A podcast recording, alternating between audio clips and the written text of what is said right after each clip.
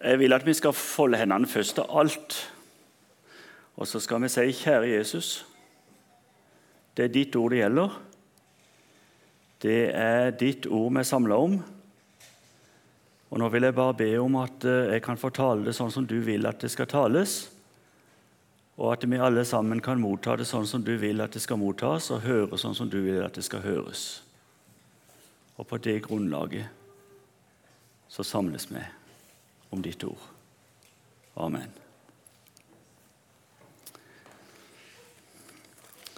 Vi skal reise oss, og så skal vi lese teksten for dagen, som er fra Lukas 15, vers 1-10.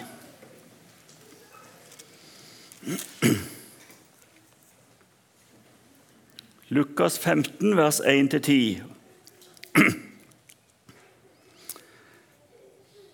Alle toller og syndere holdt seg nær til ham for å høre ham. Og både fariseerne og de skriftlærde knurret og sa:" Denne mann tar imot syndere og eter sammen med dem. Da fortalte han denne lignelsen til dem. Om noen av dere har hundre sauer og mister en av dem, vil han da ikke forlate de 99 i ødemarken og gå av sted og lete etter den som er kommet bort, til han finner den. Og når han har funnet den, legger han den på sine skuldre og gleder seg. Når han kommer hjem, han sammen, kaller han sammen venner og naboer og sier:" Gled dere med meg, for jeg har funnet igjen sauen som jeg hadde mistet. Jeg sier dere, slik skal det være større glede i himmelen over én synder som omvender seg, enn over 99 rettferdige som ikke trenger til omvendelse. Eller om en kvinne har ti sølvpenger og mister en av dem, tenner hun ikke da et lys og feier huset og leter nøye til hun finner den? Og når hun har funnet den, ber hun sammen venninner og naboer og sier:" Gled dere med meg, for jeg har funnet igjen sølvpenningen som jeg hadde mistet. På samme måte, sier jeg dere, blir det glede blant Guds engler over én synder som omvender seg. Amen.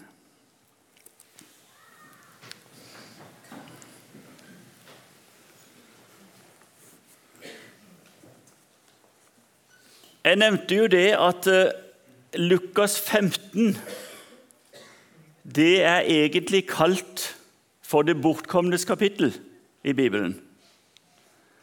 Og det er på grunn av de to historiene som vi leste her nå, om den bortkomne sauen, om sølvpengen som kom vekk. Og det vi ikke leste, og som resten av kapittelet handler om, det er altså om den bortkomne sønn. Og Mange av dere kjenner de historiene, men det handler iallfall uansett om det som er kommet bort, og om en som leter for å finne det som er kommet bort. På Fjellhaug, som jeg nevnte, jeg hadde gått på i fire år, misjonsskolen, der lærte vi to prinsipper for bibeltolkning. og Det syns jeg var veldig gode prinsipper. For det første så skulle en tekst eller et vers leses og forstås i den sammenheng eh, som det står i. Det var det ene. Og det andre det var at det som vi syntes var vanskelig vers, det skulle vi lese enklere vers for å prøve å forstå. Eller altså klare og tydelige vers i Bibelen, skulle kaste lys over de versene som kanskje ikke var så lette og tydelige å forstå. Og Det tror jeg er to gode prinsipper. Og så tenkte jeg når jeg forberedte meg til å komme her og være sammen med dere i dag, at eh, nå må jeg ikke glemme det. Nå må jeg prøve å lese det i den sammenhengen det står, og så forstå enklere ord de vanskeligere ordene ut ifra det som er enklere å forstå. Bakgrunnen for det som vi leser i Lukas 15, det er det som står rett foran i Lukas 14. Og Der står det at Jesus han er hos en av de øverste fariseerne for å holde måltid der. Og så står det én ting til. Dette står i det første verset i Lukas 14. Der står at da, da øh, fariseerne og, og, og, de skriftlærde var der sammen med han, øh, så, så, holdt de nøye øye med han. De vokta han nøye, står der. De passa på han. Med én grunn. Den grunnen den tror jeg vi må søke etter flere plasser i Bibelen for å se. Men vi ser jo det at det var en stadig konfrontasjon mellom fariseerne og de skriftlærde og de øverste i liksom det åndelige samfunnet da, og Jesus. Og Der i Lukas 14 så var det òg en mann som var syk. Og Så stiller Jesus et spørsmål sånn som han gjør så mange ganger. Er det tillatt å helbrede en syk på sabbaten. For dette var på sabbaten. Og Fariseerne og de skriftlærde de hadde nøye regler for hvordan du skulle oppføre deg, hva du kunne gjøre og hva du ikke kunne gjøre på sabbaten. Og Så spør Jesus er det tillatt å helbrede på sabbaten. Og så er det et på en måte veldig klart spørsmål. Og Kanskje kan det besvares bare med ett eneste ord. Det må jo bli ja eller nei, tenker jeg. Men vet du hva de gjorde? De tidde. De tidde. De ville ikke svare på det, og jeg tror at vi ser en sånn kalkulering i tankegangen deres. Svarer vi det, så vil han reagere sånn, og svarer vi sånn, så vil han reagere med det. Det hadde de opplevd før, og det hadde de opplevd seinere, hadde jeg sagt. Kommer de til å oppleve senere. Jesus ble spurt om sin myndighet.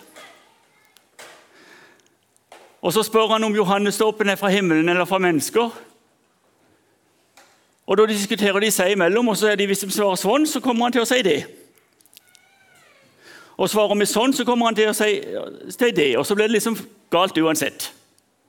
Og Så går de tilbake til han, så sier han vi vet ikke. Vi vet ikke, sa de da. Og nå tidde de. Ja vel, de var der hos fariseeren, og de holdt nøye øye med han. Så kommer vi fram til dagens tekst, og så står det at alle toller og syndere holdt seg nær til Jesus. Og Legg nå merke til en ting. Tollerne og synderne var ikke der hos Jesus for å holde øye med han. De var der for å høre han. Og det var noe helt annet. De var der for å høre han. De var ikke der for å vokte på han. Og så tenkte jeg ja, du vet, det er jo så utrolig mange kanskje forskjellige motiv for å oppsøke Jesus, eller for å komme, eller holde seg i nærheten av han. Herodes, under rettergangen mot Jesus, han ble glad når han fikk en anledning til å møte han. Og hvorfor det? Han ville se et tegn. Han ville se et tegn. Ja, vi kan jo på en måte forstå det. Det var jo interessant der. I Matteus 16 så står det at eh, fariseerne og sadukerene eh, de kom til Jesus for å friste han. Sakkeus, som krabba opp i et morbærtre, han hadde sikkert hørt av tollerne som holdt seg nær til Jesus, mye om denne mannen. Og så ble han litt interessert sjøl. Og kanskje kan vi kalle det nysgjerrighet. Men jeg vil ikke gjøre noen av de her urett på noe vis. da. Jeg vil bare gjengi at han klatra opp i et tre for å se Jesus. Så står det i Lukas 2020 om noen som kom til Jesus for å fange han i ord. Veldig typisk. Det var nok det som lå bak her òg. Og så var det noen som kom altså for å høre han. I Johannes' åpenbaring står det noen sendebrev til ulike menigheter. Og Det som går igjen hele tida, det er den som har ører, han hører hva Ånden sier til menighetene. Det er sagt, hver eneste, det er sagt hver eneste gang. Og så er det jo fristende å spørre dere, er det, noen, er det noen her i dag som ikke har ører? Jeg tror vi har ører alle sammen. Og da er jo faktisk vår oppfordring fra himmelen og vår utfordring fra himmelen, det er at vi skal høre hva Ånden sier til menigheten. Da skal vi ikke høre på det flertallet sier. Det er ikke sikkert det stemmer i det hele tatt. Da skal du ikke høre på det som blir sagt fra den sida, fra den sida, fra den sida. Da må du prøve å høre det Ånden sier, og den sikreste veiledningen du da kan få, det er å lese Bibelen, sånn som vi så fint sang i den første sangen i dag. I Jesajas 55, 3 så står det 'Hør, så skal din sjel leve'. Det er ganske viktig å høre. Det er ganske viktig å høre, og det er viktig å høre det riktige. Og I Romerbrevet 17 så står det at det, så kommer da troen av forkynnelsen som en hører. Og Kanskje jeg har sagt det til meg sjøl mange ganger, og du skal ikke undre deg over at folk ikke tror, egentlig. Det kan hende de har vokst opp og blitt voksne og til og med gamle uten nesten å ha hørt forkynnelse i det hele tatt. Trua, som òg er en gave, den kommer av forkynnelsen som en hører. Og forkynnelsen bør og skal komme fra Guds ord. Og Det syns jeg skal være grunnlaget for oss når vi samles her i misjonssalen. Og for dere som er med oss, og som ikke er her fysisk til stede. Du skal lytte til Guds ord, og så skal du slå opp sjøl og sjekke om det er predikanten eller presten eller hvem det var som sier det, om det er riktig ut ifra Guds ord. Og Hvis du er i tvil, så kan du gå og spørre en som har vært på livsveien lenger enn deg, på trosveien. Å høre det er viktig. Så kommer det en, et utsagn om Jesus fra fariseerne og de skriftlærde, og det syns jeg vi skal sette mange streker under. altså. Denne mann tar imot syndere og tollere og eter sammen med dem. Vers 2. Denne mann tar imot syndere og eter sammen med dem. Hva er det for noe? Det er en anklage. I, 14, I kapittel 14 så var Jesus hos en fariseer, og det var ingen anklage. Nå er han sammen med tollere og syndere, og så kommer anklagen. Denne man tar imot syndere og eter sammen med dem. Der står at de knurrer. Hvis du er i tvil om hva knurring er, så kan du erte opp en katt. Først begynner han å vifte med halen når han blir irritert. Og når han legger ørene bakover og knurrer eller hveser, så er det rett før. Da bør du stoppe hvis du eh, ikke vil ha det ubehagelig. Knurring det er egentlig et forvarsel om en eksplosjon. Noe undertrykt innvendig. Og det er mye, mye, mye mer enn irritasjon. Og så kommer de da med denne anklagen at det går an, liksom. Å gå inn til de der og ete sammen med dem. Og vi må forstå det ut ifra sammenhengen, datidens sammenheng, at det å spise sammen, det å ha måltid sammen, det var uttrykk for et mye dypere fellesskap enn vi liksom er vant til i vår kultur. Så Jesus han uttrykker egentlig et, et fellesskap der med deg. Så møter vi det forunderlige når vi tenker oss om. Og det er jo at den anklagen der Det er jo egentlig evangeliet.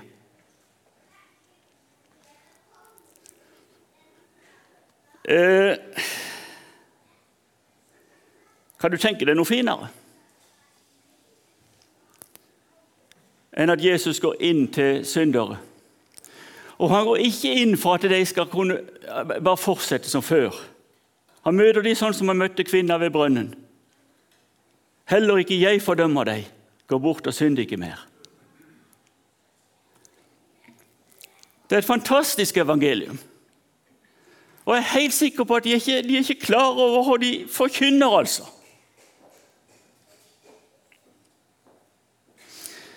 I Johannes' åpenbaring, som jeg allerede har nevnt,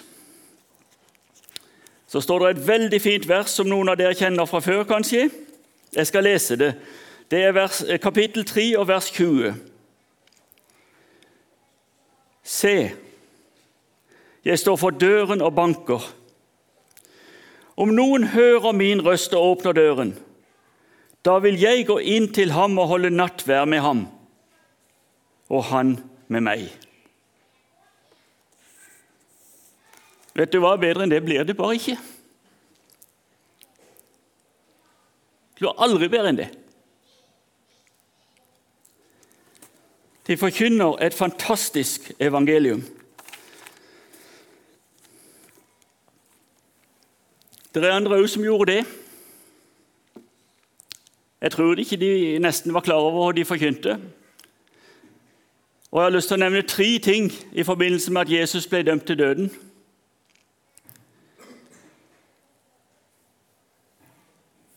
Natta i forveien så hadde Pilatus' kone det ikke greit. Hun var urolig, fikk ikke sove. Og Så sier hun til mannen sin, altså til Pilatus, om morgenen Ha ikke noe med den rettferdige å gjøre. Det er ikke en kristen, det er ikke en, en, en av Jesu disipler, det er ikke en som snakker om dette, som, som omtaler han sånn. Det er kona til han som skal dømme til døden og omtaler Jesus som den rettferdige. Og Pilatus sjøl sier tre ganger at jeg finner ingen skyld hos han. Herodes fant ingen skyld hos han. De vitner faktisk sant. Og Da Jesus døde, og de så alt det som skjedde idet han døde, så sier høvedsmannen og vaktene som holdt vakt over Jesus, i sannhet dette var Guds sønn. Matteus 27, 54. Det er mange vitnesbyrd om Jesus forskjellige steder. Og så må du ta med deg én ting. Det vitnesbyrdet det kan altså dukke opp det du minst skulle tro.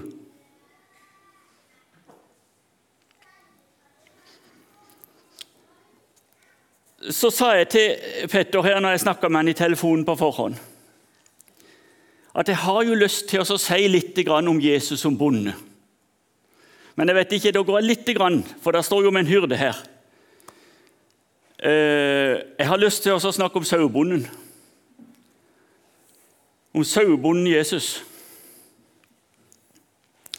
For det er ganske spesielt å ikke tolerere 1 tap. Én av hundre. Og det er ganske spesielt å leide til en finner. Er det virkelig sånn en vanlig sauebonde er? Jeg kjenner noen stykker. Har ikke sauer sjøl, men eh, jeg kjenner noen, noen stykker. Og, og, så leser jeg faktisk noe det, om dette i avisene. For det er noe vi kaller for rovdyrproblematikk. Og det er jo det at eh, at bjørn og ulv og jerv og gaupe de forsyner seg av de dyrene som blir sluppet ut på beite. Og Noen blir det gjort rede for, og noen blir det ikke gjort rede for. Og Jeg tror jo at den jevne sauebonden tenker at iallfall i fall hvis den har en uh, del sauer, at uh, ja, litt svinn må en jo kunne regne med.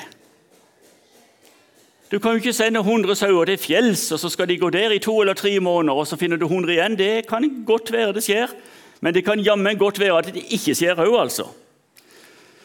Og jeg har gått litt i fjellet. På høsten på rypejakt har jeg flere ganger funnet sau eller lam som er daua. Og En gang så, så fant jeg eh, bjelle. Det var tydeligvis en voksen sau med bjella lå igjen, og masse sau, sånn ull og, og bein og sånn. Og der sto det et nummer. Og Så tok jeg det der med meg og så, og så eh, noterte vi nummeret på øremerket som òg lå igjen. Og så ringte han når jeg kom ned. Og så sier han det at eh, ja, det var, han takka meg for at jeg ringte. Det var fint jeg ringte. Du vet, det er alltid noen som forsvinner, sa han. Og det er òg noen vi aldri finner.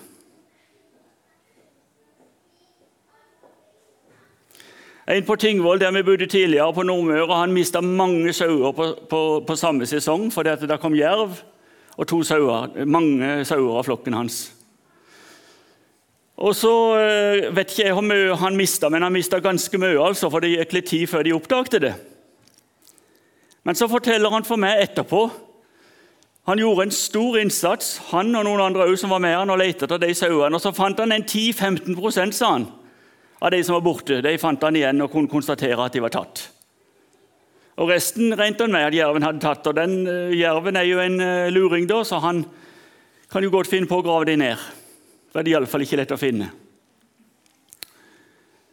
10-15% Og de som han søkte erstatning for dette, og de sa det at han hadde gjort en skikkelig god jobb når han fant 10-15% av de som var borte. Og Hvorfor sier jeg så mye om det? Det er fordi at det er ikke de sauebøndene her som denne teksten handler om. Det kan det ikke være. Og Når Jesus sier at 'hvem av dere vil ikke reagere sånn', så står de der, tror jeg, for de kjenner godt til det han snakker om. Nei, det vil ingen gjøre. Ingen av oss er sånn. Han er en helt annerledes sauebonde enn hvem som helst andre. Han legger ned ubegrenset innsats for den enkelte fordi han er drevet av ubegrenset kjærlighet. Og Det er helt forskjellig fra en innstilling som sier at noe svinn må en regne med.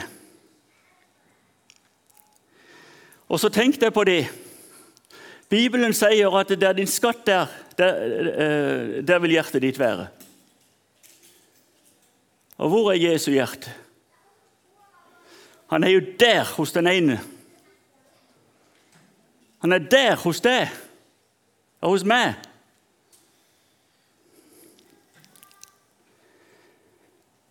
Og Jesus han har jo en annen historie òg. Litt på sida av den teksten, men akkurat i tråd med det vi snakker om, der han er kornbonde.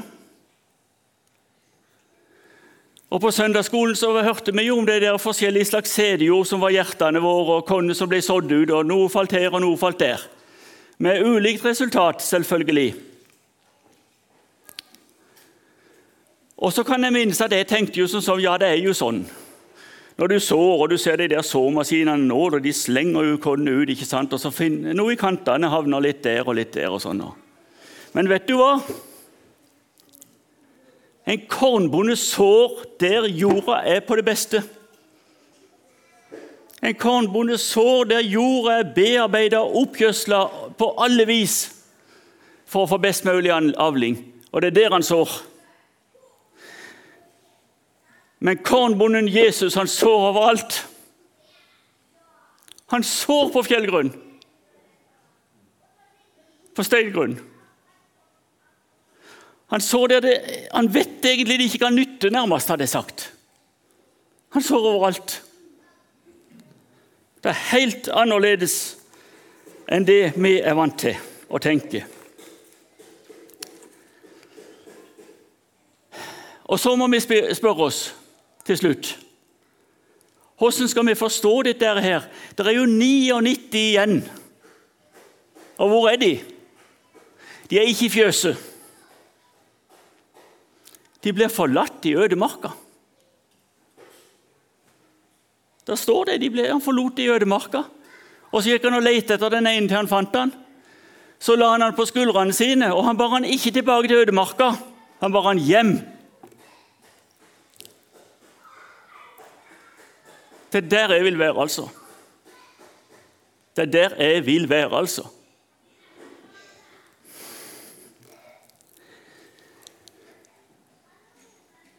Hvem talte han til? Dette kan det godt være at du har fått et, en dypere innsikt i enn meg. Og det må du bare ta med deg. Og Så kan det hende du går hjem og så sier ja, men han sa jo ingenting om det. Nei, sånn er det når han taler. En får bare ta sjansen. Men det Gud har vist deg, det må du ta godt vare på. Han har vist meg tror jeg, én ting om denne teksten som er veldig alvorlig. Og det er ut ifra den der nære konteksten. da. Hvem er det han taler til? Han taler til tollere og syndere. Trenger de omvendelse, da? Vet du hva? Hvis du spør fariseerne og de skriftlærde, så tror jeg de sier ja, det gjør de sannelig. altså. Spør du de andre i samfunnet, så er det ja, de, de, må, de, må, endre sin, de må endre seg, altså. Og spør du Jesus sjøl, så sier han ja, det gjør de. Ja vel, alle er enige om det. Men da er jo ikke det de 99. De andre som var til stede, det er fariseerne og de skriftlærde. Og hva med deg? Jeg, jeg er litt redd for at det er det Jesus taler om. Og så ser han én synder som trenger hjelp, og så legger han den på skuldrene og bærer han hjem. Og Det er ut ifra den den der eh, sammenhengen at de, de, de, var stadig i konfrontasjon. Og En plass så, så står det, det at de, de, ble skikkelig harme, for de skjønte at det var han Jesus talte om. At det var det Jesus talte om. Og så ligger det der i bak, bak, hodet liksom på meg at er det tillatt? Nei, Jesus. Det er jo faktisk ikke tillatt å helbrede på sabbaten. altså. Det er ikke det. Og det er ikke tillatt å gå inn til og syndere og ete sammen med dem. Og så blir det, hvis det er det en bygger på, egentlig en egen så blir sånn at jeg har gjort det jeg har gjort min plikt, og jeg vil ha det jeg fortjener. Og Jeg husker gamle, for lengst avdøde Carl Fredrik Wisløff. Han sa det at ja, men den som vil ha det sånn, han får det sånn. Men det blir ikke mye. For det vi trenger, det er jo Guds rettferdighet. Og det er en rettferdighet som er gitt av bare nåde til enhver. Tollere og syndere som vender om. Misjonærer, predikanter, prester, biskoper, paver, har de med seg. Alle sammen. Hva er det de trenger? Det er Guds rettferdighet, og den er gitt av nåde. Jeg vil slutte med å lese Paulus sine ord om det. For jeg syns det er så fantastisk fint å lese. Paulus han var skriftlært til fingertuppene. Paulus hadde, han, han, var en, en ektefødt jøde. Paulus han var omskåren på den åttende dag. Paulus alt i orden hører han sier. Og Det blir det siste jeg sier fra talerstolen nå. I Filippenserbrevet 3 eh, og fra vers 5. Jeg er omskåret på den åttende dag. Jeg er av Israels ett av Benjamins stamme. En hebreer født av hebreere, i forhold til loven en fariseer. I nidkjærhet en forfølger av menigheten i rettferdighet etter loven ulastelig. Men det som var meg en vinning, det har jeg for Kristi skyld aktet som tap. Ja, jeg akter i sannhet alt for tap, fordi kunnskapen om Kristus Jesus, min Herre, er så meget mer verd.